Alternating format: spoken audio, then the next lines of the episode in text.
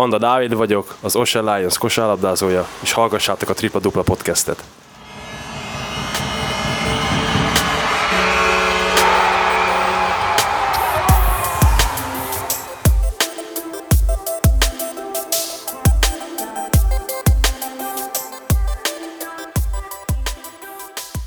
Sziasztok, köszöntök minden hallgatót, ez itt a ProBasket Tripla Dupla Podcast legújabb része, és hamarosan néhány pillanat múlva meghallgathatjátok a Beck Ferenccel, az OSA elnökével készült beszélgetést, de előtte hagy mondjak el néhány szolgálati közleményt, amit ilyenkor el szoktam mondani természetesen. Elsőként azt, hogy a kezdőtől egy olyan megtisztelő felkérést kaptam, hogy ezentúl minden forduló után készítsek írásos interjúkat is. Először is nagyon szépen köszönöm a kezdőtnek, hogy gondoltak rám. A kezdőttel ugye már egy ideje együttműködik a podcast, mindig az aktuális epizódot ők is kiszokták tenni az oldalukra. Ezen túl minden bajnoki forduló után egy általam készített írásos interjút is olvashattok majd, úgyhogy mindenképp látogassatok el a kezdőt.hu honlapra is. Elsőként a forduló egyik nagy meglepetése az oroszlány idegenbeli győzelme Szolnokon, úgyhogy a Beck Ferenccel készített interjú mellett olvashatjátok az Erik Washingtonnal készült interjút is a kezdőt.hu oldalon. Erikkel a mérkőzés után sikerült beszélgetnem, és az ő gondolatait ezúttal írásban osztom meg veletek, úgyhogy keressétek fel a kezdőt.hu oldalt. Ezen felül keressétek fel a probasket.hu oldalt is, itt Jordan és Nike márkás cipőket, kosaras kiegészítőket tudtok nagyon jó áron vásárolni. Keressétek fel a podcast Facebook oldalát, illetve Instagram oldalát is, lájkoljátok, illetve kövessétek, ahol elérjük előbb az ezer követőt, illetve az ezer lájkolót, ott egy nagyon komoly nyereményjáték lesz, úgyhogy tessék menni és lájkolni, illetve követni. A www.tripladupla.hu oldalt mentsétek el a könyvjelzők közé, itt megtaláljátok az összes korábbi epizódot, például az Anda Dáviddal készült beszélgetés még tavaly talán október környékén, aki az oroszlánynak szurkol, vagy kíváncsi arra, hogy miként élték meg a feljutást tavaly az NB1B piros csoportjából, az mindenképp hallgassa meg a Dáviddal készült podcastet. Ha mobilon hallgatjátok, akár iOS-en, akár Androidon, akkor természetesen kövessétek a podcastet abban az applikációban, amelyikben hallgatjátok, így mindig értesülni tudtok a legfrissebb részekről. Na de ennyit az ilyenkor szokásos szolgálti közleményekről, következzen a beszélgetésem az oroszlány elnökével, Beck Ferenccel. Nagyon sok szeretettel köszöntöm a ProBasket Tripla Dupla Podcastben az OSE elnökét, Beck Ferencet. Ferenc, szervusz, és köszönöm, hogy elfogadtad a meghívást. Szervusz, én köszönöm a meghívást. Kezdjük is rögtön azzal, hogy most már túl vagyunk a szezon felén, és ugye ez egy régi vágyad volt, illetve egész oroszlány városának nagy vágya volt, hogy legyen első osztályú újra a kosárcsapat. Milyen így több, mint most már fél szezon elteltével, hogyha most értékelned kéne az eddig lezajlottakat, akkor mit mondanál? Nehéz erre válaszolni. Én úgy gondolom, hogy nem az én óhajam volt elsősorban, hanem a város óhaja volt. Az oroszlányi kosárlabda óhaja volt ez, hogy első osztályba tudjunk szerepelni. Nekünk ez egy ünnep, tényleg ünnep. Tehát azt gondolom, hogy egy olyan szezon tudunk ez idáig futni, amit kevesen tudtak az elmúlt 10-20 évben produkálni. Nekünk tényleg minden meccs ünnep. Mi örömmel jövünk Szolnokra, örömmel megyünk jövő héten Pécsre, Paks jön jövő héten. Azt szeretnénk, hogyha tényleg mindenki boldog lenne ebben a, a történetben. A szezon előtt az volt a cél megfogalmazás, ha jól emlékszem, hogy ugye ne kelljen playoutot játszani. Szerintem ezt most már kijelenthetjük, hogy ezt elértétek, bár ugye még sok van hátra, szokták ilyenkor mondani, de egyelőre szerintem minden várakozást felülmúlva szerepeltek. Hogyha ezt valaki így a szezon előtt ezt mondja neked, hogy így a felénél még akár a nyolcadik helyet is elérhetitek és rájátszásba kerültek, akkor így aláírod, vagy most már azért kicsit megjött az étvágy az esetleg komolyabb célok eléréséhez? Az elején kezdeném, a kérdés elején kezdeném. A célunk egy stabil csapat építése. Hosszabb távon szeretnénk az Egyesületet bent tartani az NBA-ben, akkor talán visszaolvasható, több, nyilat, több helyen is nyilatkoztam, hogy stabil csapatot szeretnénk építeni. Továbbra is ez a célunk. Ténylegesen én is azoknak a táborába tartozok, akik azt mondja, hogy igen, eddig szép, amit elértünk, de nagyon hosszú még a szezon. Most jön a java, nyugodtan mondhatjuk a kosárlabdázó körökben ez, a, ez az igazi sava borsa a, a bajnokságnak. Próbáltunk egy olyan csapatot összetenni, amelyik, amelyik pont ezt a, a középszakaszt és az utána következő mérkőzéseket is jól tudja venni, de hát ez akkor fog kiderülni, amikor, amikor le fogjuk játszani. Jövőre gondolva egy kicsit, Ugye párhuzamosan nektek rengeteg utánpótlás korosztályú csapatotok is van. Jövőre ugye terve van véve az U23-as szabály, nem tudni, hogy így marad-e jelenállás szerint ugye arra kell készülni. Ti erre hogy tudtok felkészülni, hiszen ugye ez azért egy igen nagy kihívás lesz minden csapatvezető, illetve ugye a csapat számára is, hogy találjanak olyan játékosokat, legalább ugye kettő-hármat, akit ugye nyugodt szívvel pályára lehet tenni nektek. Hogy áll ilyen szempontból a saját utánpótlásotok, vagy esetleg hogy tudtok erre már most készülni, hiszen azért közeledik az az időszak, amikor a klubvezetőknek el kell kezdeni készülni a következő szezonra. Jól látod, mivel tavaly még a piros csoportban szerepeltünk, ezért a piros csoportban ugye már ez a fiatal szabály működött, és nekünk így kellett csapatot építeni korábban is, ezért, ezért az ott csoportban is így gondolkodunk. Jelen pillanatban az utánpótlásunk helyzete szépen lépésről lépésre javul és emelkedik. Tényleg szép számú utánpótlás kosárlabdázónk van. Én azt gondolom, mint vezetőnek nagyon türelmesnek kell lenni. Célunk az, hogy minél több oroszlányi játékos szerepelhessen az első csapatban, de ezt úgy látom, hogy az országban szinte sehol nem tudják megoldani, hogy csak és kizárólag, vagy nagy létszámban helyi illetőségű vagy kötődésű játékos játszon. Ez a sportban manapság nem csak a kosárlabdában, hanem az összes többi csapatsportban gyakorlat. Talán, talán mondhatjuk azt is, hogy, hogy ma már ez természeténél fogva ilyen. Igen, mi is szeretnénk oroszlányit, dolgozunk is velük, van külön mentori programunk, amelyik alapján várhatóan egy-két éven, de talán már jövőre is be tudunk építeni oroszlányi játékost illetve hát szerzőtetnünk is kell. Sokáig szerepeltetek a másodosztályban, és akkor ugye tavalyi szezonban végre sikerült a feljutást ugye elérni. Előzetesen mit gondoltál, mint klubvezető, hogy mi lesz a legnagyobb kihívás, és most így fél szezonnal a hátad mögött, visszagondolva, ez volt a legnagyobb kihívás, amit előzetesen is gondoltál, vagy valami más volt, ami, ami komolyabb nehézséget okozott, vagy nagyobb fejtörést így az első osztályban? Jó kérdés, és elég nehéz is. Erre csak egy-egy momentumban válaszolni. Azt gondolom, hogy az elmúlt öt évünk arról szólt, hogy minél magasabb szinten tudjunk kosárlabdázni. Ha szintén visszanézik a nyilatkozataimat, akkor azt ígértem annak idején, 2014-ben, hogy öt éven belül az oroszlány első osztályú csapatot szeretne építeni. Hát az ötödik évre sikerült, sok minden körülmény közben játszott az elmúlt öt évben, de azt gondolom, hogy, hogy ha tartósan és hosszú távon akarunk gondolkozni, már pedig én úgy látom, hogy hogy ez a gondolkodásmód jellemzi alapvetően a, a mi egyesületünket, az pontosan megalapoztuk. Szurkolókkal, csarnokkal, csapatépítéssel, az egész környezettel sikerült megalapozni azt, hogy első osztályi csapatunk legyen. Jó is, hogy említetted a szurkolókat. Az utóbbi évek feljutó csapataihoz képest egy nagyon üde színfolt vagytok, hiszen egy nagyon stabil és nagyon jó szurkolói bázissal rendelkeztek. Tehát nagyon stabil a szurkoló bázisotok, és idegenbe is elkísérnek titeket, nagyon jó hangulatot varázsolnak idegenbe is és otthon is.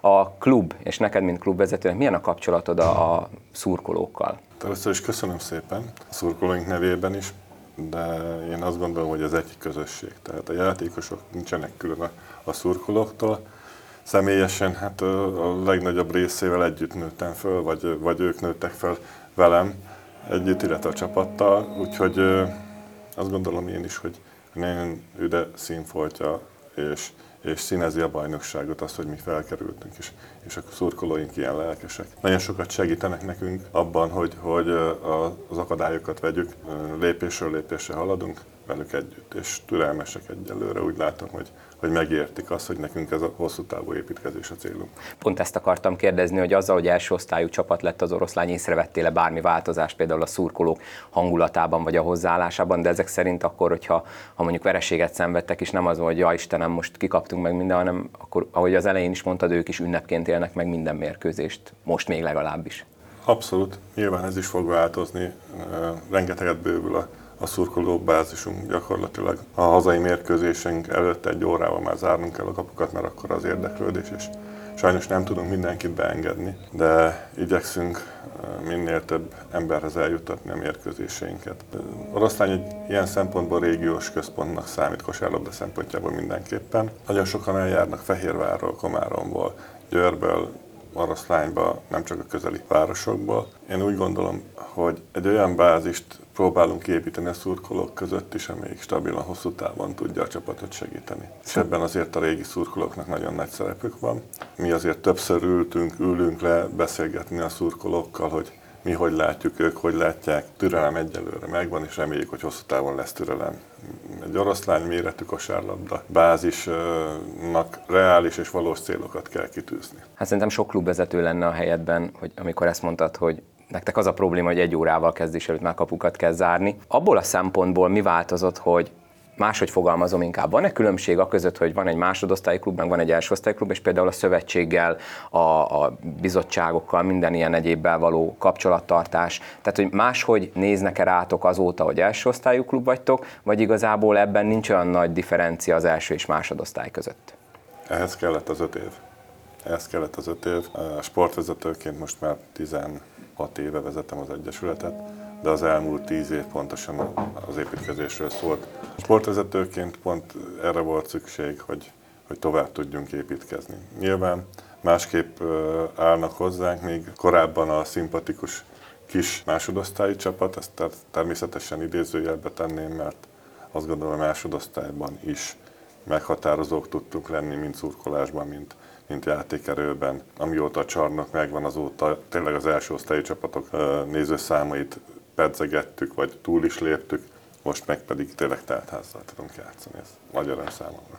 Az, hogy az öt éves projekt végén sikerült a feljutás, hogyha visszaemlékezünk az előző, tehát a két évvel ezelőtti szezonban is tulajdonképpen a célegyenesben buktátok el a feljutást. Tudom, hogy ez kicsit gonosz kérdés, de így visszagondolva, jobb lett volna már akkor feljutni, vagy kellett ez a plusz egy év a másodosztályban? Tudom, hogy erre nehéz válaszolni, de te mit szeretted? Szerettél volna inkább már két évvel ezelőtt feljutni, vagy ez így volt tökéletesen megírva, hogy akkor ebben a szezonban sikerült a feljutás? Ahogy mondtad, nehéz a válasz, de ugyanakkor minden éremnek két oldala van. Tehát én megpróbálok vezetőként mindig előre tekinteni, és visszafelé már kevésbé, vagy csak a tanulságokat leszűrve építkezni. Azt gondolom, hogy van olyan szempont, ami miatt korai lett volna, van olyan szempont, ami miatt pedig pedig jó lett volna egy évvel korábban. Ha azt vesszük, hogy, hogy ki jutott fel korábban, és hogy finoman szólva csak feljutnak és visszaesnek, ez, ez, ez nem tesz jót a sportágnak sajnos. És ezért is nyilatkoztam az év elején, hogy én stabil csapatot szeretnénk építeni oroszlánynak, amióta oroszlányon egyáltalán kosárlabda van 1958 óta, hosszú évekig volt első osztályi csapata. Sajnos a rendszerváltozás küszöbén különböző okok miatt nem tudtuk ezt már folytatni, viszont, viszont mindig, mindig volt, akik szeretett volna kosárlabdázni. Mindig jelentkezett olyan, aki, aki ezt a sportágat szereti. Élnek még azok az emberek, akik, akik, akik valamikor ezt vitték az ászlót, és azért sokat számít nekünk az, hogy mondjuk egy Jugovics Józsi bácsi, aki, aki annak idején 64-ben fel, feljutott vele az NB1-be a, a csapatunk. Utána később edzőként, utánpótlás edzőként és felnőtt csapat edzőjeként is építette az oroszlányi bányász kosárlabda csapatát. Tényleg sokat számít a múlt, de leginkább előre kell tekinteni. A feladatok száma olyan nagyságrendű, hogy, hogy nem nagyon van időnk egyébként visszatekinteni. Amikor megtörténnek a dolgok, levonjuk a konzekvenciát és megyünk tovább. Szerintem előre látod, hogy mik lennének a következő kérdéseim. Említetted a feladatok sokaságát. Mennyivel nőtt meg a menedzsment feladata azzal, hogy első osztályú klub lettetek? Mennyivel van több munka egy első osztályú klubban, mint egy piros csoportos klubbal?